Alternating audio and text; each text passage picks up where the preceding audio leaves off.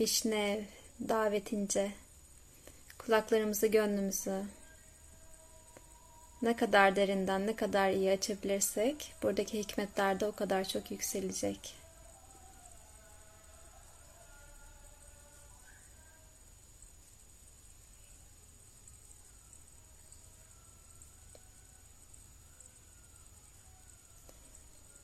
Şu anda gönlünüzün hasreti, özlemi, niyazı, duası, niyetine ise onlarla bağlantıya geçebilirsiniz başlamadan önce. Umulur ki buranın bereketiyle, şifasıyla, Cuma'nın bereketiyle ve buradaki cam olmanın, buluşmanın şifasıyla ve güzelliğiyle niyetlerimizde akıbetimiz olur.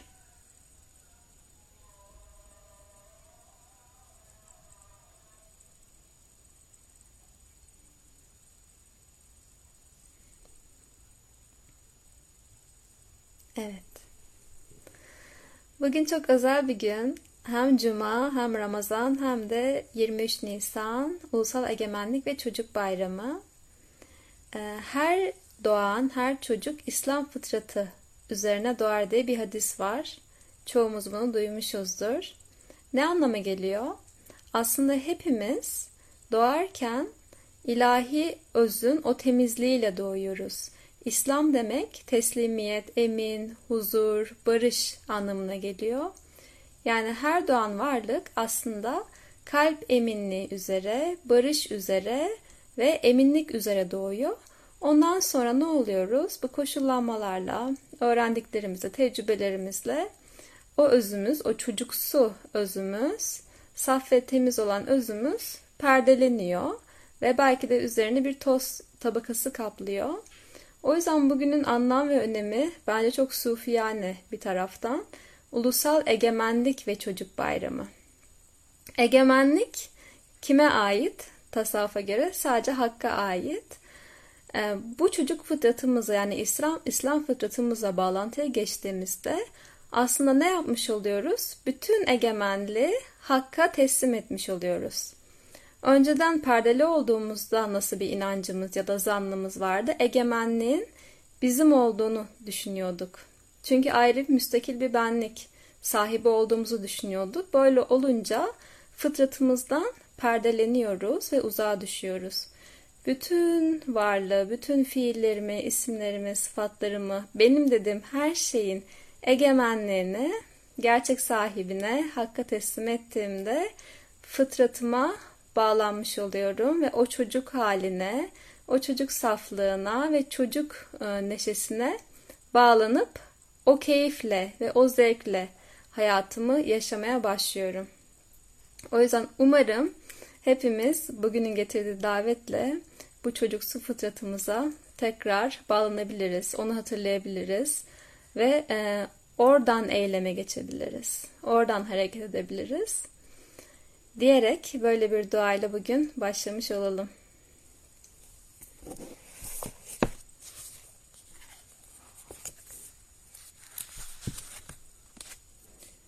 Sayfa 143'te kalmıştık.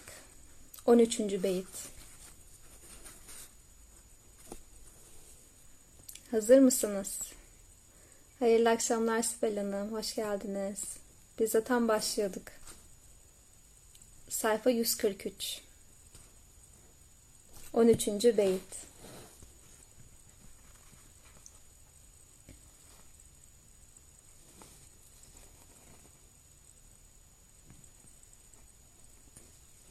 Evet. Bismillahirrahmanirrahim.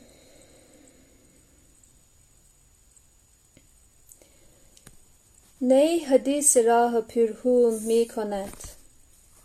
Ney, kanla dolu yolun haberlerini rivayet eder. Kıssayı ışkı Mecnun mi konet. Ve Mecnun'un aşk kıssalarını hikayet eder. Yani aşk vadisinde yüz can bir arpa tanesi kadar değersizdir.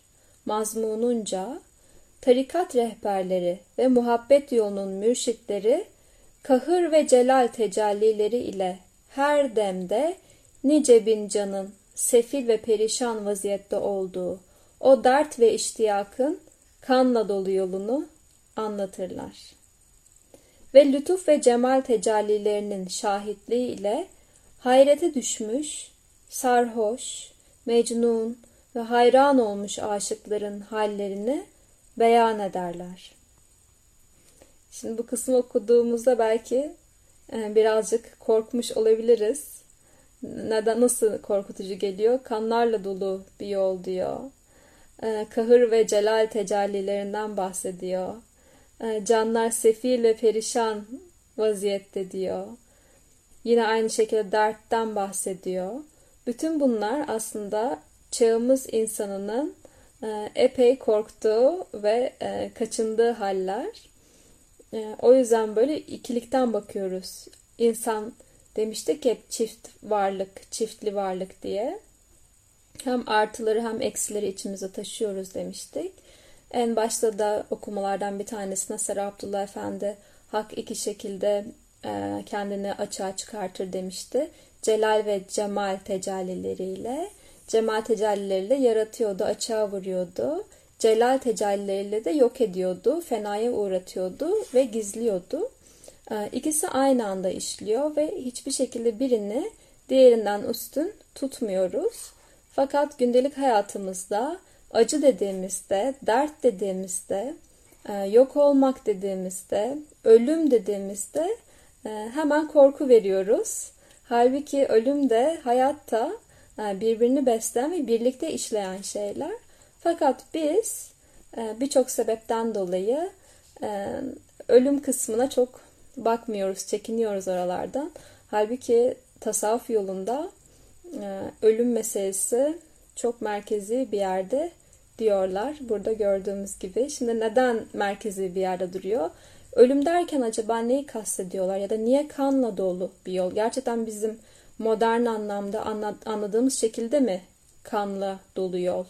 E, negatif e, bir şey mi var? Bir anlamı mı var acaba bunun? Hani e, insanın kendine kendine acı çektirmesi gibi bir şeyden mi bahsediyoruz acaba burada yoksa bambaşka bir bağlamda mı bize veriliyor bu semboller? Onlara bakıyor olacağız. Şimdi Ney kanla dolu yolun haberlerini rivayet eder. Yine Ney'in hikayesi üzerinden gidiyoruz. Ve İlk 18 beyit bize yani e, neyi sunuyordu? İnsanın kemale ulaşma e, yönteminin rehberliğini sunuyordu.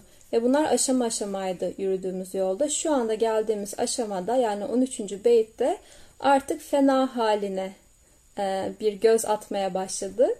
E, yüzümüzü fena haline döndük. Fena neydi? İnsanın e, ayrı bir varlık zannetti benliğinin isimlerini, sıfatlarını ve fiillerini Hakk'ın zatında, Hakk'ın isimlerinde ve sıfatlarında yok etmesiydi.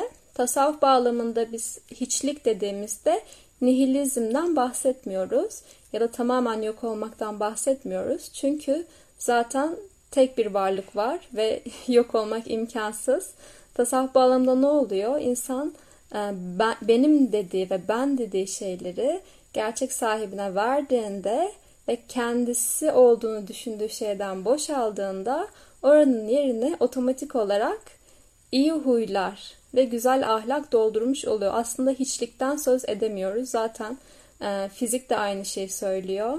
Enerji hiçbir zaman yok olmuyor. Sadece yer değiştiriyor. O zaman bütün işin bütün esprisi kötü ahlaktan arınıp güzel ahlakın bizim üzerimizden açılmasına alan tutabilmek. Fena hali dediğimiz böyle bir şey.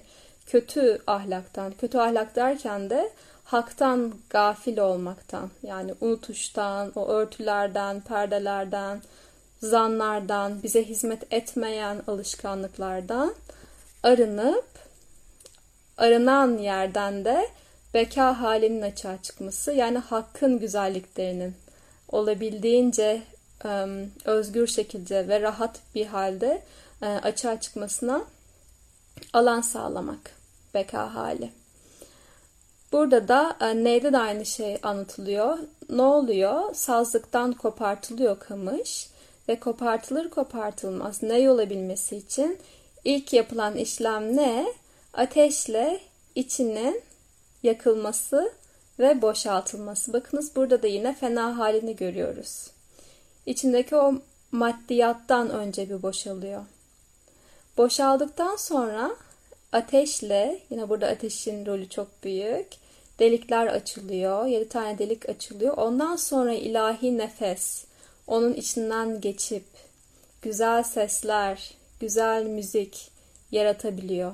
Ben benliğimle, ben dediğim şeyle dolu dolu olursam o zaman o ilahi nefesi hakkıyla, hakkınca ağırlayamıyorum. Ve benim üzerimden yapmak istediği o müziğe iştirak edemiyorum.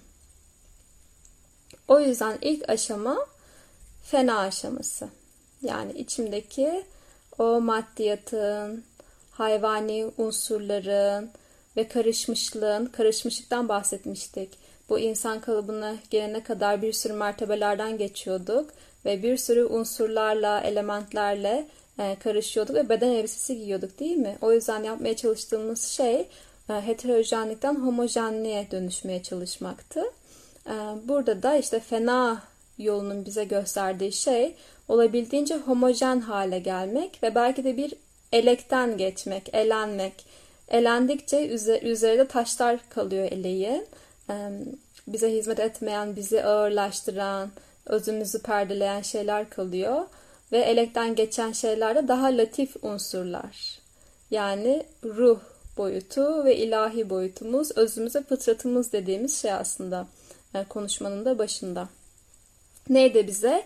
Bu yolun haberlerini veriyor. Diyor ki böyle böyle şeyler olacak. Ona göre haberiniz olsun. Bilin.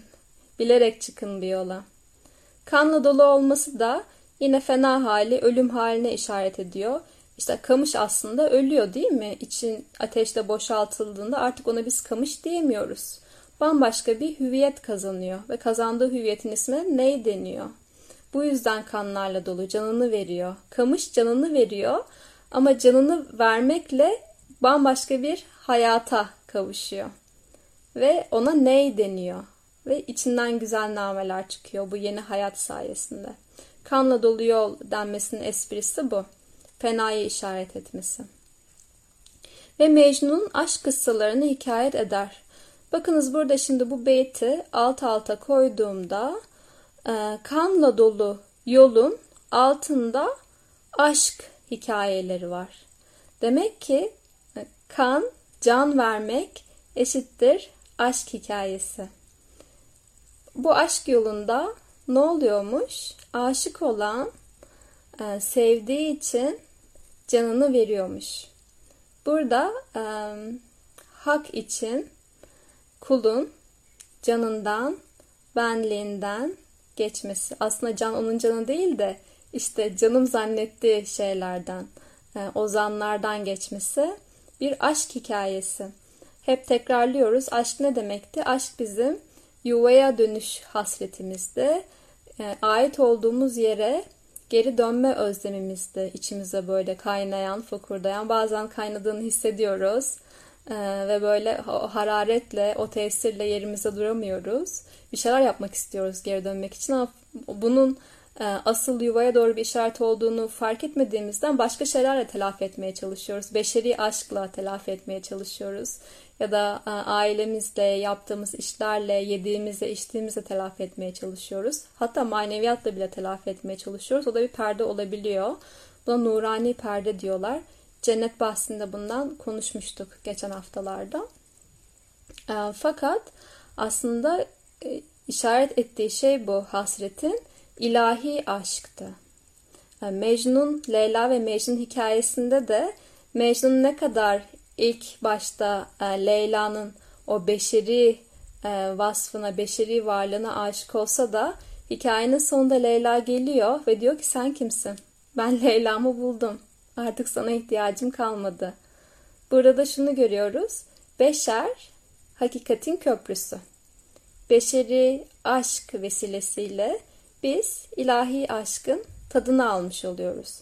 Bu yüzden olabildiğince beşerde takılı kalmamak, zaten beşer olarak gördüğüm şeyde de ilahi aşkın tecelli ettiğini Yani beşerin kendine has bir varlığı olmadığını, her şeyin zaten hakkın bir açılımı olduğunu gördüğümde ben neye aşık oluyorsam ya da neyi seviyorsam aslında ilahi olanı sevmiş oluyorum.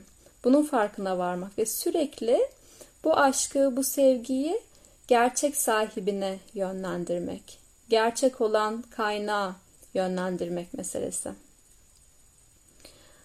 Evet, bu yolda, aşk yolunda, asıl yuvaya giden yolda e, rehberlik eden mürşitlerden bahsetmiştik geçen hafta. Onlar bu yolu nasıl kolaylaştırıyorlarmış? Talipleri, müritleri nasıl terbiye ediyorlarmış? İki şekilde hem cemal ile hem de celal ile çift kutuplu diyoruz değil mi? Çift kanatlı olmaktan bahsediyoruz. Ee, kahır ve celal tecallileri celal tecallisi genelde e, maddi alemde dışarıda açılan ilahi açılımlardır. Cemal tecellileri de iç alemde açılan açılımlardır. E, celal tecellileri genelde çok güçlü olduğu için, çok güçlü bir ışık olduğu için e, direkt bağlantı kuramayabiliyoruz. E, bu yüzden zaten birazcık daha böyle kaldırılması güç olabiliyor celal tecellileri ki zaten örten, gizleyen, yok eden, bitiren e, tecelliler olduğu için e, ne, ne oluyor? Muhammedi ayna vasıtasıyla biz e, Hakk'ın zatına bağlanabiliyoruz.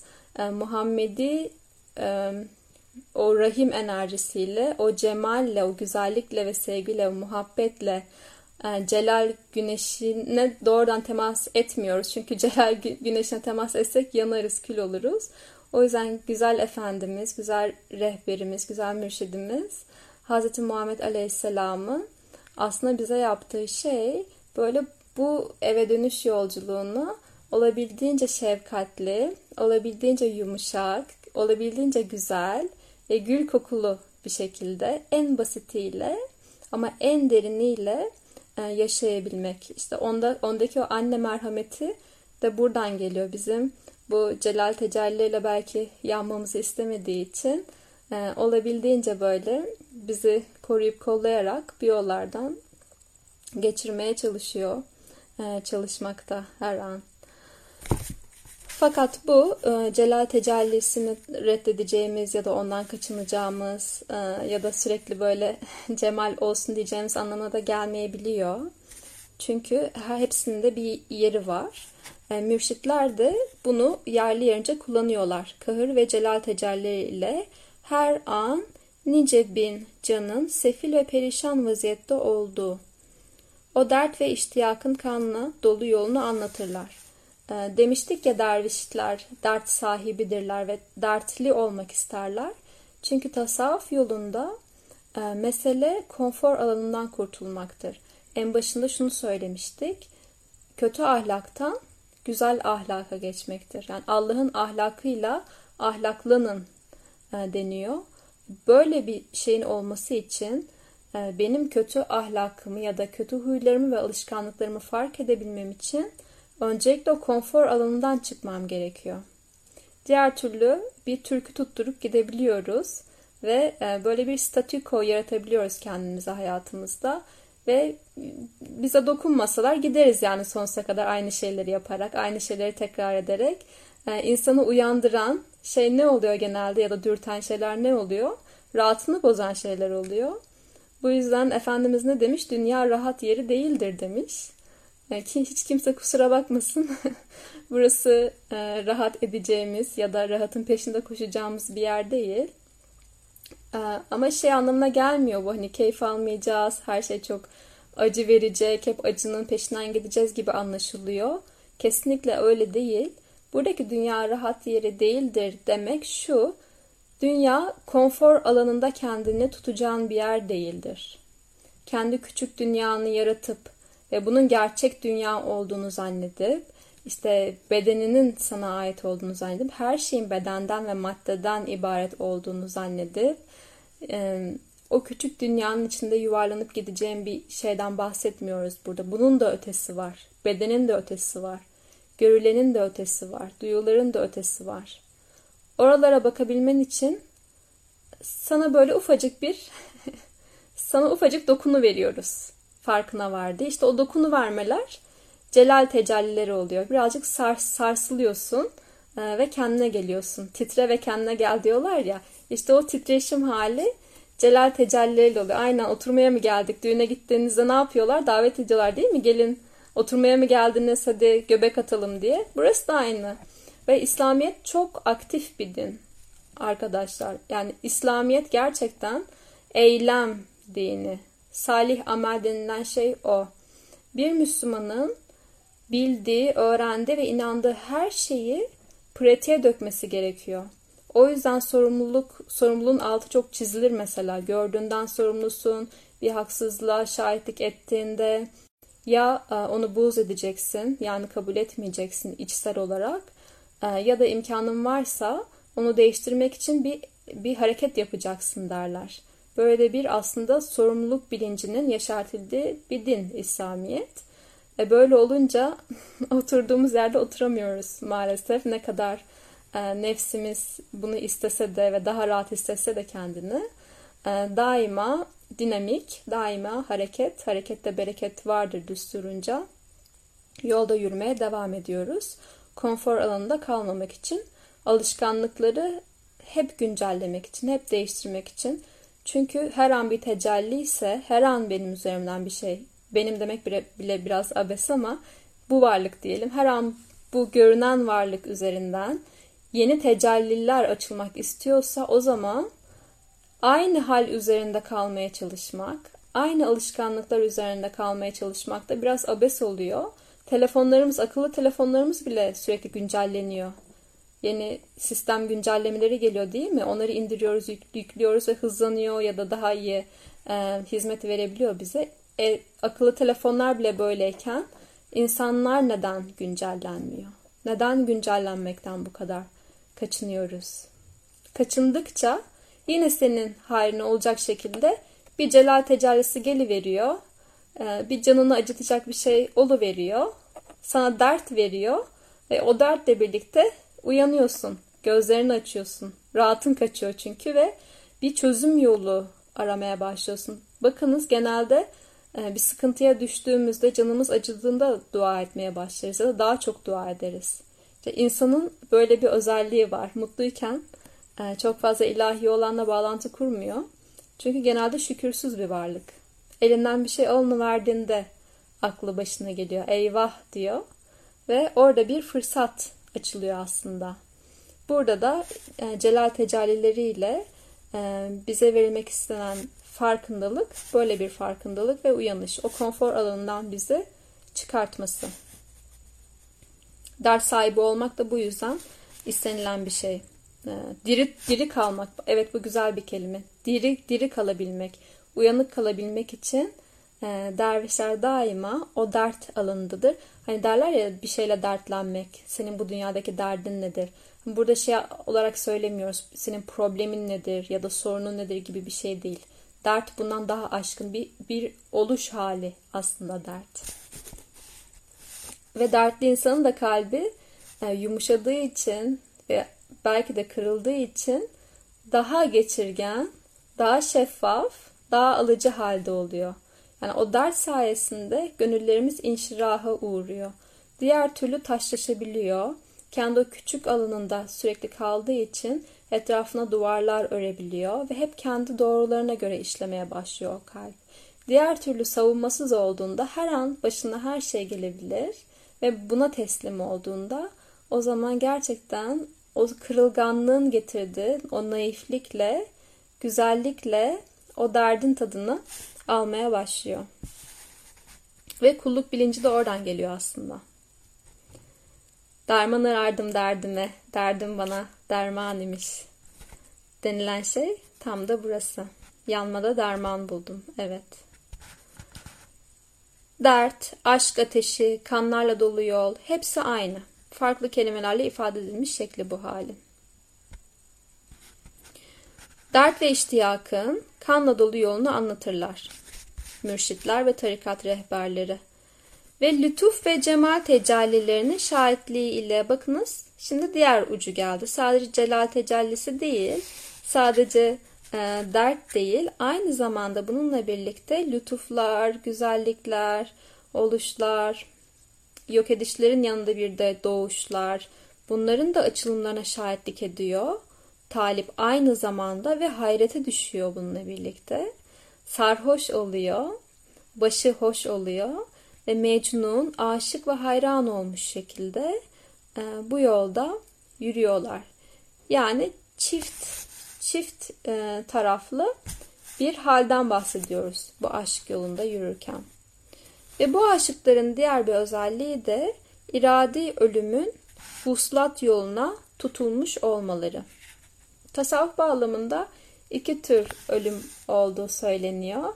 Birincisi doğal ölüm, hepimizin, bütün nefslerin bir gün tadacağı o doğal ölüm kaçınılmaz olarak. İkincisi de e, bilerek ve isteyerek beden ölümü gerçekleşmeden önce yaşayabileceğimiz ölüm. Buna da iradi ölüm deniyor.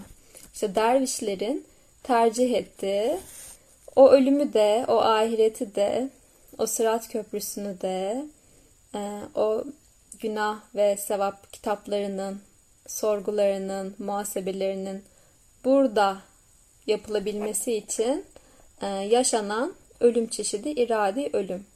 Fena fillah dedikleri, işte Allah'ta fena olmak dedikleri, en başına fena bahsini açmıştık. Dedikleri ölüm, böyle bir ölüm buradaki. Yola engel olan candır. Canından vazgeç. Böylece perdeyi kaldırıp vuslata erebilirsin. Vuslat dediğimiz kavuşmak. Yani beka hali. Bu aşk yoluna engel olan şey candır. Canından vazgeç. Can her şey hakka aitse eğer ben bu benim canım dediğim müddetçe o canı vermekten korkuyorum. Lütfüfiliz Hazretleri diyor ki aslında insanların ölümden korkmalarının sebebi kendilerine bir varlık vermeleridir. Sen zaten bu varlığın sana ait olmadığını idrak etmişsen o zaman ölümden niye korkacaksın? Çünkü ölen hayvan imiş. Ölen sadece bu beden. Ruh ölmüyor. Ebedi. Ebeden bize ait değil. Ruh da bize ait değil. O zaman nedir bu korku? Ne gereği var korkmanın? Diyor Lütfi Filiz Hazretleri. E, o yüzden canından vazgeç. Canımdan vazgeç derken bu canın sana ait olduğu zannından ve düşüncesinden vazgeç ve her an onu, her nefesinde onu gerçek sahibine teslim et. Teslim et derken her an onun farkındalığı içinde ol. Bu cana nefes üfleyen, bu kalbi attıran, bu ciğerleri Rahmani nefese dolduran kimdir? Bizim kontrolümüzde mi nefes alıp vermek? Çok basit şekliyle yani vücudumuza baktığımızda, işleyişine baktığımızda biz mi kontrol ediyoruz nefes alıp vermeyi? Kalbimizin atışını biz mi kontrol ediyoruz? Bir anda kesilebilir. Herhangi bir seçimimiz var mı bunun üzerinde? Yok. Çok basit. Yoksa o zaman bunlar bize ait değil. Neden bize aitmiş gibi yaşıyoruz? Böyle baktığımızda çok abes geliyor.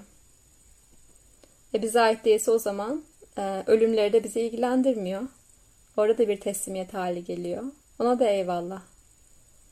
Eyvallah deyince de korku kalmıyor. Teslimiyet. Buraya buraya gönderirlerken de sormadılar, alırken de sormayacaklar. E, yoklu görünmezlik aleminden görünürlük alemine geçtik. Görünürlük aleminden yine görünmezlik alemine geçeceğiz. İki kapılı bir handa yürüyorum gündüz gece dedi. Aşık Veysel'in aslında böyle bir doğal süreç ve hayatın akışı.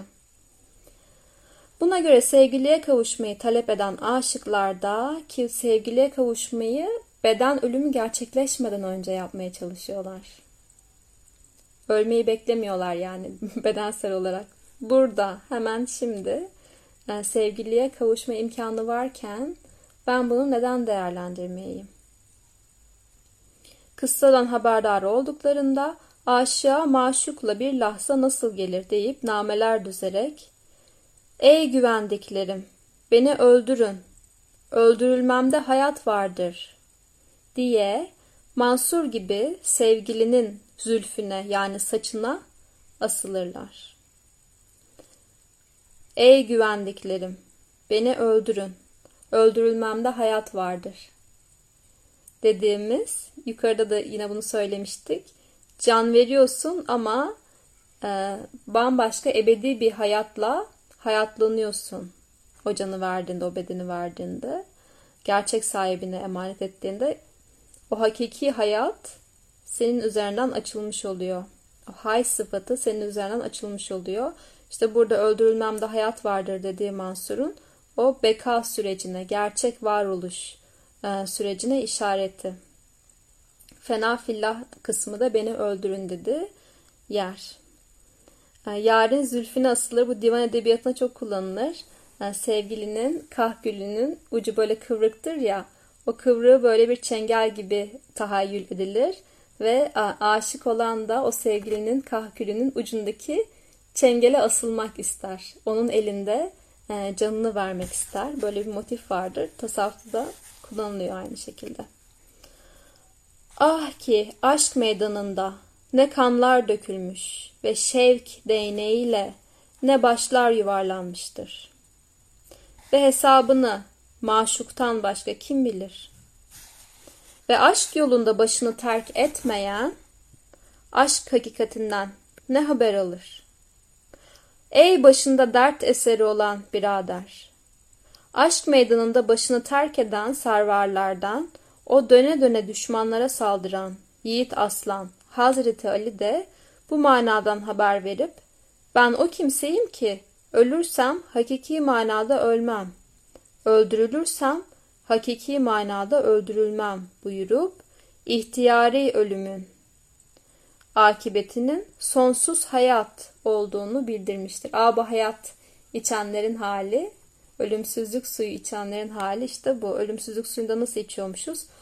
Ölmeden önce ölmeyi bilerek ve isteyerek ve talep ederek ve dert sahibi olarak bu aşk yolunda yürüyerek demek ki e, yapıyorlarmış. Ve başlarını da bu yolda vererek o enaniyet başını işte baş vermek derken enaniyet başını vermek ayrı bir ben olduğum zannını vermek ki kendinden geçmek, kendim dediğin şeyden geçerek e, oluyormuş. Bu yolda geçilen farklı e, merhaleler var. Buna seyrisülük deniyor. Burada ondan bahsetmiş Abdullah Efendi. Yani bu manayı ifade buyururlar ki sülük esnasında mertebeden mertebeye ve neşeden neşeye naklun, naklolundum ve cemal elinde olan Celal kahramanının kılıcı ile katlolundum diyor. Asıl yuvamıza dönüş yolculuğunda geçtiğimiz mertebeler var. Önceki bir nefsin mertebelerinden geçiyoruz. Fena bahsinde. Daha sonra da beka mertebeleri oluyor. Bunları ayrıntılı olarak Lütfü Filiz'in kitaplarında bulabilirsiniz noktanın sonsuzluğu. Yani çok güzel açıklamış. Şimdi burada detaylarına girmeyelim. Fakat her bir mertebe değişiminde aslında önceki mertebeden ölmüş oluyorsun ve oradan kesilmiş oluyorsun. O yüzden zaten insan hali hazırda sürekli e, doğan ve ölen bir varlık. Hücrelerimize baktığımızda mesela beyin hücrelerimiz de e, her an e, birçoğu ölüyor ve yenileniyor.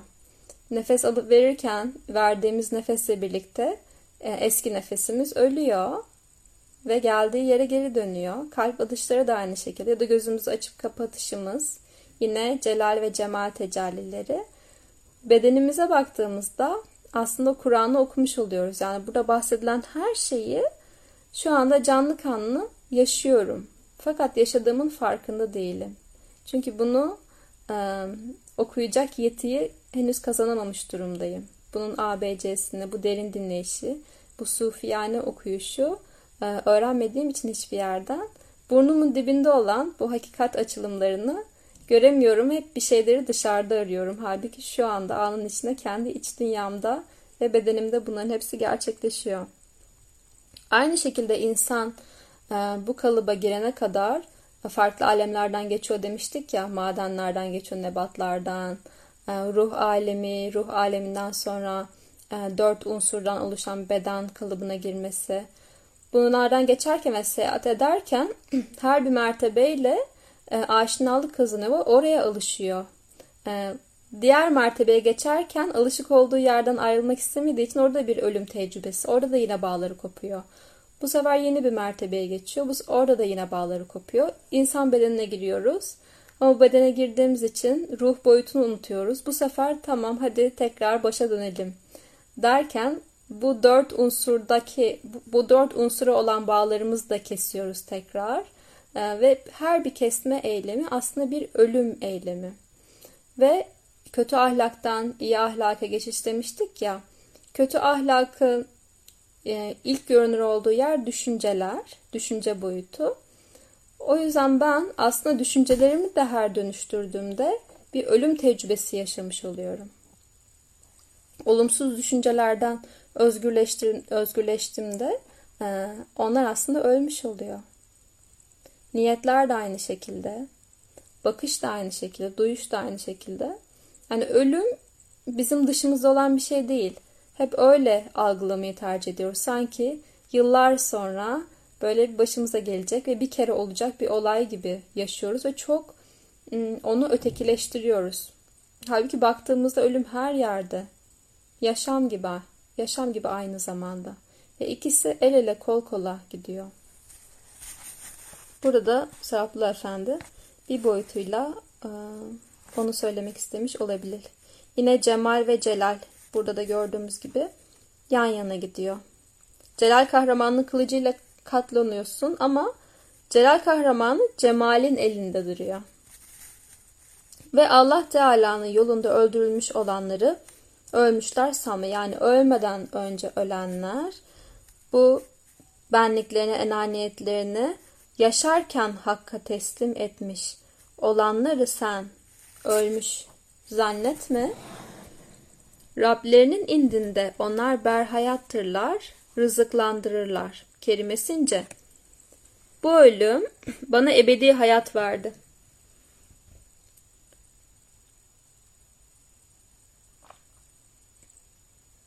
Ve sonsuz bir huzur içinde. Bakınız huzur geldi burada. En başta ne demiştik? Fıtrat demiştik. Her doğan e, İslam fıtratı üzerine doğar. İslam huzur, eminlik, barış. Demek ki burada fenafillahla birlikte kişi o fıtrata bağlanmış oluyor. Geri dönmüş oluyor demeyeceğim. O zaman çok sanki ayrı bir yerdeymiş gibi anlaşılabiliyor. E, zaten burada kendi içimizde sadece bağlantı kopabiliyor. Bu fena tecrübesiyle, ölüm tecrübesiyle birlikte o sonsuz sonsuz huzur halime e, dönüyorum ve onunla bağlantı kuruyorum. Beden bağından kurtuldum. Bakınız. Dört unsurun bağlarından özgürleşmek demiştik. Burada da geldi aynı şekilde. Beden bağından kurtuldum. Artık bedenimin ve hayvani isteklerimin ve arzularımın otomatik tesiri altında değilim. Onlara şahitlik edebiliyorum. Ben ilahi boyuttan işlemeye başladım. Özümden işlemeye başladım. Bedenim de bu özümün ve ilahi boyutun e, hükmü altına, egemenliği altına girdi. Şimdi benim ruhum diye hitap ediyor Seraplı Efendi bizlere. Çok latif bir hitap şekli. O kadar seviyorum ki. Şimdi benim ruhum. Çünkü ayrı değiliz. Tek bir ruh var. Hepimiz tek bir ruhtan geldik. Tek bir nefsten geldik. O yüzden e, bayağı geçerli olan bir hitap şekli. Bu kan dolu yolda ölmek herkese bir olsaydı gerçekten kolaydı. Ama zor olan budur ki ilahi aşıklar her bir nefeste bin can verirler ve her can verişte bin can bulurlar. Burayı çok seviyorum. Altın böyle iki kere üç kere çizdiğim yerlerden birisi, birisi burası. Tam bir özet olmuş. İlahi aşıklar her bir nefeste bin can verirler ve her can verişte bin can bulurlar. La ilahe illallah.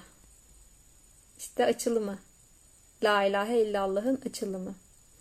La ilahe olumsuzlama kısmı yani nefes verme, sende olan her şeyi verme, ondan başka ilah yoktur, ondan başka hiçbir şey yoktur, yoktur, yoktur, yoktur diyerek öl, ölüme izin verme, bırakmak, salı vermek, özgürleşmek, vermek, vermek, vermek, arınmak ve temizlenmek her bir nefeste.